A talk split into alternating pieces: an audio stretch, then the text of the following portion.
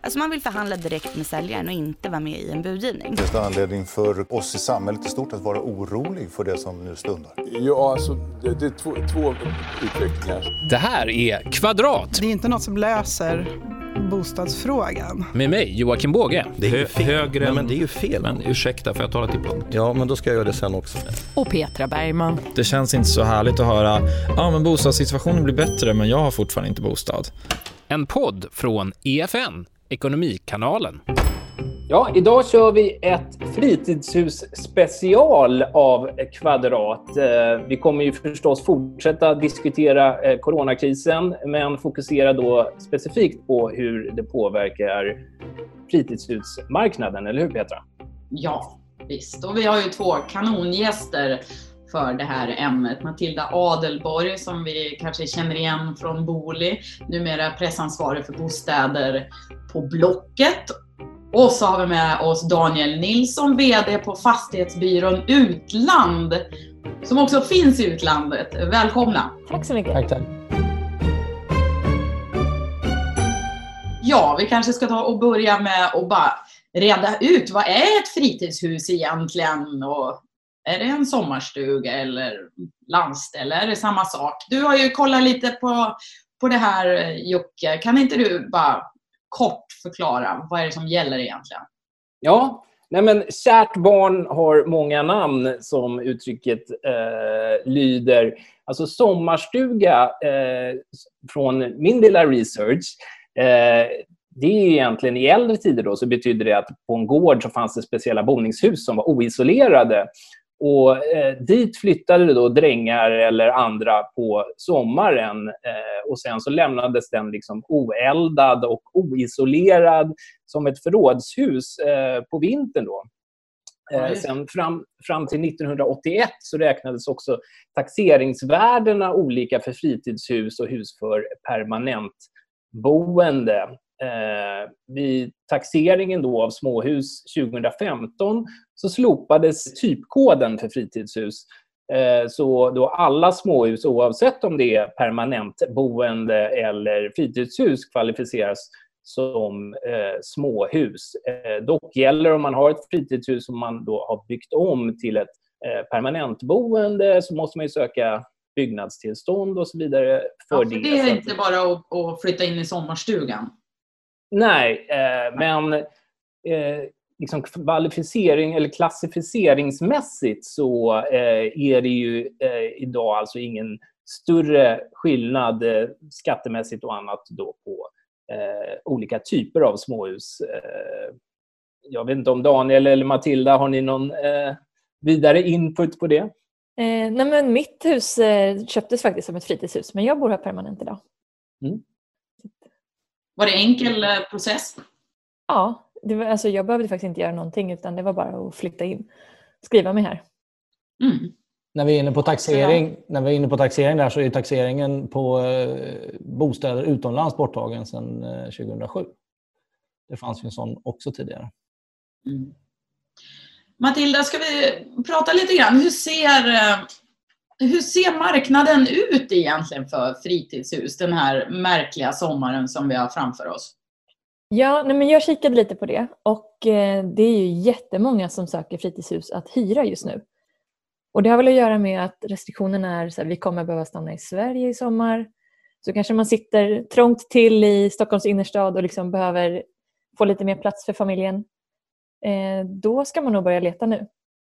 Jag såg att sökningarna på fritidshus att hyra har ökat med liksom 100 procent jämfört med förra året. Oj! Ja, så det är verkligen huggsexa om fritidshusen. De som traditionellt kanske, jag vet inte, har ett ställe utomlands eller brukar ta några veckor utomlands, de kommer kanske inte kunna räkna med det i sommar och då behöver de planera om. Så det tillkommer ju väldigt många fritidshusspekulanter. Liksom. Och vad är det man söker då? Är det något speciellt som trendar? Eh, ja, men det är mycket de här klassiska Gotland, Öland, Skåne. Eh, de kommer nog alltid att vara populära tror jag. Eh, sen är det ju ställe vid vattnet, det är alltid populärt. Eh, liksom bra standard. Man vill, man vill bo bra på semestern. Hur ser det ut med utbudet då? För jag tänker mig att det är många som då hyr, det måste ju vara någon som äger de här stugorna, stugorna och hyr ut dem och om de då vanligtvis kanske åker utomlands eh, så kanske de väljer att stanna i sin stuga då på sommaren. Eh, hur ser utbudet ut? Precis, ja, men det ser ganska normalt ut. Vi ser inte att det är fler som vi hyr ut i sommar jämfört med tidigare år. Men toppen brukar vara först i maj så att det finns ju fortfarande möjlighet att det ökar ganska stort. Jag tror också att eh, få är där alla sommarveckor. Och jag tänker att man, man kan tjäna ganska bra på att hyra ut sin stuga. Spelar det någon roll när på sommaren man hyr ut? Kan man få mer betalt någon del av sommaren? Ja, ofta är det där ganska evenemangsstyrt. Till exempel under Almedalsveckan så är det ju väldigt dyrt i Visby. Eh, de eh, tendenserna har vi sett att de har liksom eh, tonats ner i år. Det, alla evenemang ställs ju in, men det är fortfarande dyrast de varmaste sommarveckorna. Mm. Så i början av sommaren kan det vara lite billigare? Ja, det kan det vara. Och jag tror, det här är en högst eh, personlig spaning, men eh, min känsla är att många skjuter på semestern i år. Att man vill ha lite senare för att liksom se vad som händer med corona och kommer man kunna göra något i augusti istället kanske. Just det.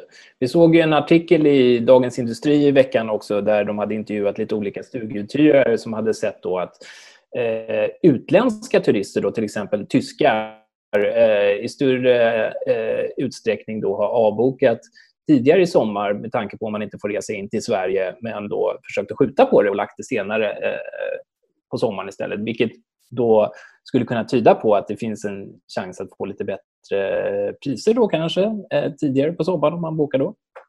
Mm, ja, men säkert att det är lite billigare i början av sommaren men jag tror också att de här att de utländska turisterna uteblir det kompenseras liksom upp av den här tillströmningen av svenska turister. Så jag tror inte att det kommer bli någon rea på fritidshus direkt. Nej. Utan kanske till och med tvärtom. Ja, man kan ju tänka, eller det kanske är eh, en fördom, men man kan ju tänka att utländska turister betalar lite bättre. Ja, men det är också, jag vet holländare till exempel, de vill gärna bo lite primitivt. De är helt okej okay med liksom torp utan el och vatten, bara finns en kanot. Så att, eh, det är väl lite olika krav på standard kanske. Har du några tips, Matilda, på, eh, för de som är intresserade av att hyra stugor? Vad, vad ska man tänka på? Eh, ja, men jag tänker att man ska se till att man gör det på ett tryggt sätt. Så att till exempel kolla upp vem är det du hyr av. Det kan man göra med hjälp av att eh, söka på Lantmäteriet. Man kan ringa och fråga vem står som ägare på den här bostaden. Så att de som hyr ut det verkligen är de som de utser sig att vara? Precis, de äger huset. Eh, det är liksom en, ja, men en trygg uthyrning. Eh, sen alltid skriva kontrakt och alltid eh, se till att man är överens om vad som gäller. Så när behöver jag avboka senast? Vad gäller med städning? Vad händer om något går sönder? Det gäller ju åt båda håll att man ska liksom känna sig trygg med uthyrningen. Kolla upp sina försäkringar alltså? Ja, precis. Vad gäller för försäkring? Eh, det är lite olika beroende på hur mycket man brukar hyra ut. Eh, och sen eh, ja, men se till att man, eh, att man är överens om vad som gäller. Och jag tänker det här eh, klassiska scammen som man ska undvika också är ju om någon säger att de har en jättefin stuga på Gotland till ett eh, väldigt bra pris och säger att eh, det är väldigt många som är intresserade just nu så du måste swisha in hela hyran för sommaren mm. om, du, om du vill få den. Eh, ska man göra det då? Nej, det ska man inte. man ska aldrig handla i panik. Och Sen tänker jag också se till att man vet vad det är man hyr. Och där kan ju som, eh, som uthyrare kan man göra ganska mycket för att skapa trygghet. Jag tänker att man till exempel kan fota mycket, skriva mycket om vad som ingår, kanske ge lite tips. Det kan ju vara så att det regnar hela semesterveckan som någon har hyrt. Då vill man gärna veta att det finns annat att göra, annars är risken stor att man kanske vill avboka eller inte dyker upp. Daniel Nilsson, du sitter ju i Alicante. Eh, Ja. Är intresset för svenskar att hyra utomlands, är det dött nu då eller? Uthyrningsdelen eh, har jag ju dålig koll på faktiskt. Vi, vi arbetar ju bara med, med, förmedling och försäljning. Um, men det är klart att de reserestriktioner som gäller just nu och, och, och kanske kommer gälla under en, en, tid framöver, det är klart att de påverkar det intresset. En annan spännande parallell till, till eh, hur vi skriver Blocket-sökningar och så där var jag tittade på en rapport från, från en av Spaniens stora bostadsportaler. Och de pratar om hur sökningarna på bostäder med terrass och kanske en liten eh, liksom, utomhusyta har ökat rätt dramatiskt. Um, och Det är väl liksom i spåren av att sitta instängd som vi gör och, och liksom isolerad och så vill man ändå försöka få no någon form av, av eh, utomhusyta eller ja, någon sol på kroppen. Just det. Vad heter den sajten? Idealistan. Men vi har sett att sökningarna på pool och studsmatta och så har gått upp jättemycket också. Att man förbereder sig för en semester hemma. Om vi fortsätter med, eh, med, med Daniel. Eh, du som sagt sitter ju nere i karantän i Spanien. Berätta lite, hur har du det? Eh, ja, men det är en väldigt speciell situation det här. Jag har ju suttit så här sedan 15 mars egentligen när eh, det stora regeringsdekretet kom ut att, att eh, alla skulle sitta hemma. Alla som inte har samhällsbärande funktioner eller arbeten ska sitta hemma och, och jobba. Um, och jag vet inte riktigt vilken vecka vi är inne på, om det är sjätte eller hur det, hur det är, men, men det är väldigt speciellt i alla fall. Uh, påverkar ju vår arbetssituation rätt så kraftigt också naturligtvis. Uh, pratar mycket om eh, liksom, det digitala hoppet som kommer med det här och hur vi kan liksom, tele, arbeta på distans och arbeta med digitala verktyg och sådär. Men vi kan ju inte ens besöka bostäderna just nu. Så att vi kan inte ha videovisningar alls ändå. Liksom. Så att vi kan bara jobba med det material vi har sedan tidigare. Eh, med foton och, videos och 360-material som vi har sedan tidigare. Personligen, alltså, hur, hur, hur har du det? Jag antar att barnen jobbar, eller barnens skolor är stängda så att de hemskolas nu och sådär? Exakt, så det är tre jobb samtidigt. Man försöker upprätthålla någon form av produktivitet i, i sitt liksom, eget jobb och så är man lärare för två barn samtidigt. Så det, är, det är väldigt speciellt. Och här idag så kom nyheten att skolorna förblir stängda fram till september. Eh, så det blir en lång sommar. Det blir en lång sommar. Och Om vi ska gå in lite då på hur ditt jobb har påverkats av det här. Eh, du nämnde ju lite då att ni går över till de här digitala eh, lösningarna. Men, men eh, vad, är, vad är intresset just nu av att sälja och köpa? Eller marknaden liksom satt på paus? Man vill väl gärna se sitt sommarhus personligen, inte köpa det över nätet bara. Jo, men så är det ju. Ehm, även om vi redan sedan tidigare faktiskt eh, har förmedlat rätt, en större andel än man kan tro av det vi förmedlar gör vi digitalt redan innan med, med liksom bilder och 360 och annat. Eh, men det är klart, de allra flesta vill ju se det. Vi såg ju redan i februari hur vi fick avbokningar på visningar. Människor som skulle, spekulanter som skulle komma ner och titta och som liksom började boka av sina visningar där. Eh, och sen som sagt var, sedan mitten mars så, så har vi liksom eh, haft, eh, så kan vi inte genomföra några visningar ens digitala. Eh, och det sätter ju naturligtvis spår i affärsläge. Eh, inte så mycket i mars, för det finns ju alltid en eftersläpning i det här. Men däremot nu i april så ser vi ju väldigt tydligt om man jämför med april förra året hur, hur, hur minskningen har varit dramatiskt. Vi eh, gör ju någon enstaka affär med det material som, jag säger, som vi har sedan tidigare. Eh, men, men april är ju en, en en väldigt tuff månad på många sätt. Mm. Och det funkar inte att de som bor där går runt och gör en eh, virtuell visning? Jo, men vi har ju många... Ja, det, det, ja, teoretiskt kanske det skulle kunna funka, men då kopplar man ihop säljare och, och köpare och frågan är vilken kvalitet och vilken kundupplevelse det blir och sådär. Eh, vi har ju själva, vi arbetar med just nu och tränar upp oss på att göra bättre digitala visningar. Där tror jag steget är rätt långt att lägga över det på en privatperson så att säga, eh, som ska genomföra en, en schysst eh, digital visning. Hur, hur eh, om man ska se något positivt i det här då, för de som är intresserade och redan varit intresserade av att köpa någonting i Spanien, eh, kommer priserna gå ner? Kommer det finnas en möjlighet för kap framöver när coronakrisen eh, förhoppningsvis då eh, försvinner eller eh, blir mindre Eh, allvarlig? Ja, det är två saker. Det, det, ena är att vi ser ju, vi håller ju fortsatt naturligtvis kontakt med, med vårt stora spekulantregister och, och, pratar, om inte dagligen så veckoligen med, med våra eh, kunder. Och intresset är fortfarande väldigt högt. Många pratar om att bara det här släpper så kommer vi ner och vi ska göra affär och så vidare. Så det, det, det är liksom, drömmen har absolut inte eh, inte tagit slut eller inte avslutats. Utan den, den finns fortfarande där hos många svenskar att köpa ett, ett, en bostad under solen. Men det är klart att tittar man i ett kort, medellångt och längre perspektiv så kommer det ju få effekter på både antalet transaktioner på marknaden och priserna. Eh, olika bedömare bedömer ju där liksom, som man frågar får man svar. Eh, och jag har sett rapporter från allt ifrån prissättningar på minus 10% till upp till kanske minus 50. Som vanligt så ligger väl liksom där vi kommer landa ligger vi någonstans mitt i. Eh, och, eh, som köpare så eh, visst kommer man kunna troligen hitta prisvärda objekt framöver. Men jag tror inte man ska ha förväntningar att man kan göra det nu direkt på plats. För att eh, det finns alltid en tröghet i hur liksom bostadspriser funkar. Eh, och särskilt nedåt så, så, finns det en tröghet där. Så att eh, jag tror inte man ska räkna med liksom de, de snabba klippen just nu. Nej, men hur ska, vad, vad råder du då praktiskt sett en, en köpare just nu som är intresserad? Vad ska man göra? Jag tror att viktigare än någonsin är att man har kontakt med eh, de som verkar på marknaden, mäklare och sådär, som, som har en bättre känsla för hur motiverade är säljarna att faktiskt få iväg sina, sina bostäder och därmed också kanske då eh, ta en, en, en prissänkning.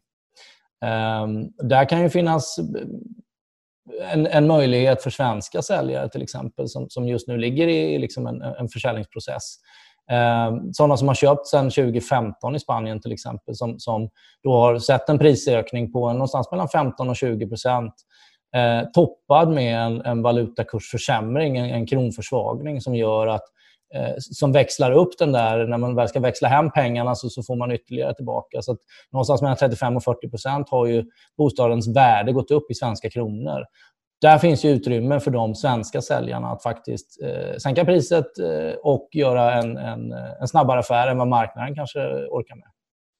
Mm. Men ett ganska besvärligt försäljningsläge ändå just nu. Jo, men det får man ju se det som. Det, alltså, realekonomin kommer ju ta stryk. Vi kommer ju titta på en arbetslöshet och, och så där i både Spanien och Portugal framöver. Eh, samtidigt så är ju det är ingen kreditkris på det sättet, för bankernas likviditet är fortsatt god och ränteläget kommer väl sannolikt att vara lågt framöver. Så det är ju någonting som verkar åt andra hållet. Eh, så det är inte säkert att vi kommer få se de dramatiska eh, sättningarna som vi såg 2008-2009. Jag tänkte också på en sak. Eh, det har ju varit olika saker som har påverkat också intresset av att köpa eh, ett utlandsboende eller semesterboende. Vi hade ju flygskammen som var aktuell framför framförallt under förra året. Eh, vad, vad ser ni nu eh, med ja, att flyg kanske kommer bli dyrare här framöver? Mm. Det är klart att det, det, kan vara en faktor som påverkar ett segment i marknaden Eh, som har naturligtvis drivits av ett, ett, ett flyg som har varit relativt, relativt ekonomiskt. Ehm, det segmentet kanske inte på samma sätt har, har möjlighet att flyga eh, till Spanien eller till Portugal flera gånger per år. Då, blir det ju, då går vi tillbaka lite till kanske den situation som vi hade innan när, när man använder sitt boende i Spanien eller Portugal under längre perioder eh, över året. Man åker ner i september, Eh, åker hem till Sverige någon gång före jul. Man kommer tillbaka i februari och så åker man hem till Sverige i maj. Eh, istället för att åka helger och långhelger och skolledigheter och sådär som vi har sett under senare år. Men det är klart att det bygger på att man har tid att, man har tid att göra det och då hamnar vi ju ett, i ett åldersspann också kanske som är lite högre. Eh, naturligtvis. Då, då hamnar vi i en 55, 60, 65 eh, årsåldern. Så man är i, i, ändå lite sugen på att eh, skaffa sig ett utlandsboende idag. Var, var ska man leta? Var ska man börja tycker du? Google är väl den vanligaste sökmotoren. Eh, sen finns det en uppsjö både mäklarsidor eh, men också portaler. Eh, och tittar man på Spanien och Portugal faktiskt, och den portal som under de senare åren har tagit den starkaste positionen så är det väl just Idealista som jag nämnde tidigare. Eh, där vi också ser, eh, där vi finns representerade och där vi också ser att vi får in svenska spekulanter via Idealista eh, som känns på ett sätt som en liten omväg. Eh, men det visar väl bara hur liksom välpositionerad och, hur attraktiv den portalen har liksom, eh, kommit att bli. Både för svenska och andra utländska spekulanter. Jag gissar att Matilda vill in på det här också. Ni har väl utlandsboenden på Blocket? Precis, vi har både säljes och eh, uthyres. Men vi har sett att intresset har gått ner jättemycket. Sökningar på de här populära orterna som eh, Torrevieja och Nerja, de har gått ner jättemycket senaste månaden. Och det handlar väl om att man inte vet när man kommer kunna resa dit, tänker jag. Vilka är normalt de eh, populäraste orterna, Daniel? Ja, det är de som hon, hon nämner. Precis. Var det spot on? spot on. Eh, nej, det är de gamla klassiska. Det är, det är Torrevieja, Alicante på Costa Blanca och det är ju Marbella, Fuengirola, Nerja på Costa del Sol. Eh, egentligen. De, de har ju alltid varit... Det var ju till de här orterna som, som svensk charterturism började en gång i tiden och liksom det är de som är de starka. De har varit starka genom alla år. Eh, sen klart har vi ju övärlden, vi har Kanarieöarna, vi har eh, Mallorca, vi har Barcelona till viss del. Men ja, kungarna... Nu har du snart nämnt hela Spanien. ja, det är väl så. Coronakrisen kommer väl eh, i alla fall inte påverka det svenska vädret. Så där har vi ju ett eh, incitament som inte försvinner, antar jag, för att eh, ha ett intresse av ett utlandsboende. Nej. Det är ju väldigt tydligt. Det ser vi väldigt tydligt de år när Ehm, en svensk sommar är flera månader lång så minskar ju liksom trycket på utlandsboende och tvärtom. När det regnar bort, en svensk sommar regnar bort så ser vi hur liksom intresset ökar väldigt dramatiskt. Så det är värdestyrt. Petra, ska vi börja sammanfatta lite här? Eh, om jag börjar då med den svenska marknaden så kan väl jag, om jag förstår eh, Matilda rätt att det är ett eh, rätt stort intresse av att hyra och hitta ett eh, fritidshus i Sverige just nu. Bland annat beroende på osäkerheten som finns runt om hur coronakrisen kommer påverka eh, möjligheterna att eh, resa utomlands i sommar. Eh, har jag förstått det rätt? Absolut. Och jag tänker att det är guldläge för den som sitter på en stuga eh, och vet att den inte kommer använda den hela sommaren och hyra ut. Man kan tjäna upp till 40 000 skattefritt på att hyra ut sitt fritidshus. Så att, eh, det är nog många som borde ta sig en funderare, tänker jag.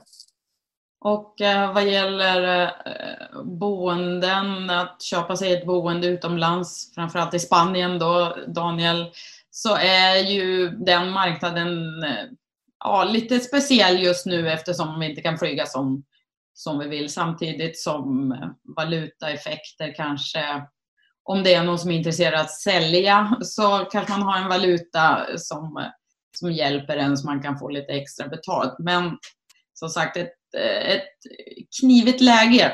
Eller hur Daniel? Jo, eh, sen ser vi väl i och för sig då att, att, lite, för oss som har suttit väldigt instängda under ett tag så ser vi ändå hur lättnaderna kommer nu. Vi kommer inom kort få komma ut och genomföra videovisningar och annat. Och det är klart att då, då har vi större möjligheter att jobba både för våra säljare och för våra köpkunder. Eh, men absolut, en del ovisshet just nu i marknaden. absolut. Jag tänkte bara be om en eh, liten spaning också, eh, sådär spontant. Matilda, är det någonting som, som du har tänkt på när det gäller bostadsmarknaden här under de senaste veckorna som har stuckit ut? Oh, men det är väl framför allt att det är många som eh, söker ett ställe att hyra i sommar. Och också att just nu är det ganska många som hyr ut sina lägenheter för att de själva är i stugorna. Mm, intressant. Daniel, har du någon spaning från något kanske kundcase på hur folk agerar just nu? Vad folk är oroliga över eller vad de ser möjligheterna till? Nej, men jag skulle nog lyfta fram, lite förvånande faktiskt, det starka intresse som fortfarande är när vi pratar med våra spekulanter. Att, att de allra flesta uttrycker att bara vi blir av med det här så, så, så kommer vi gå vidare med vår affär. Eh, det känns ju bra inför, inför en omstart här längre fram. Mm. Ja, vi får ju hoppas att eh, den här eh, krisen eh, går över och att du kommer ut ur karantänen snart också, Daniel.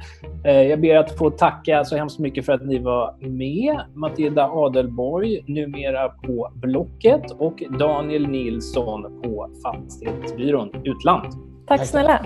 Tack, tack. Den här podden görs av EFN Ekonomikanalen. Ansvarig utgivare är Anna Fagerström. Vill du lyssna på någon av våra andra poddar? Sök på EFN där poddar finns.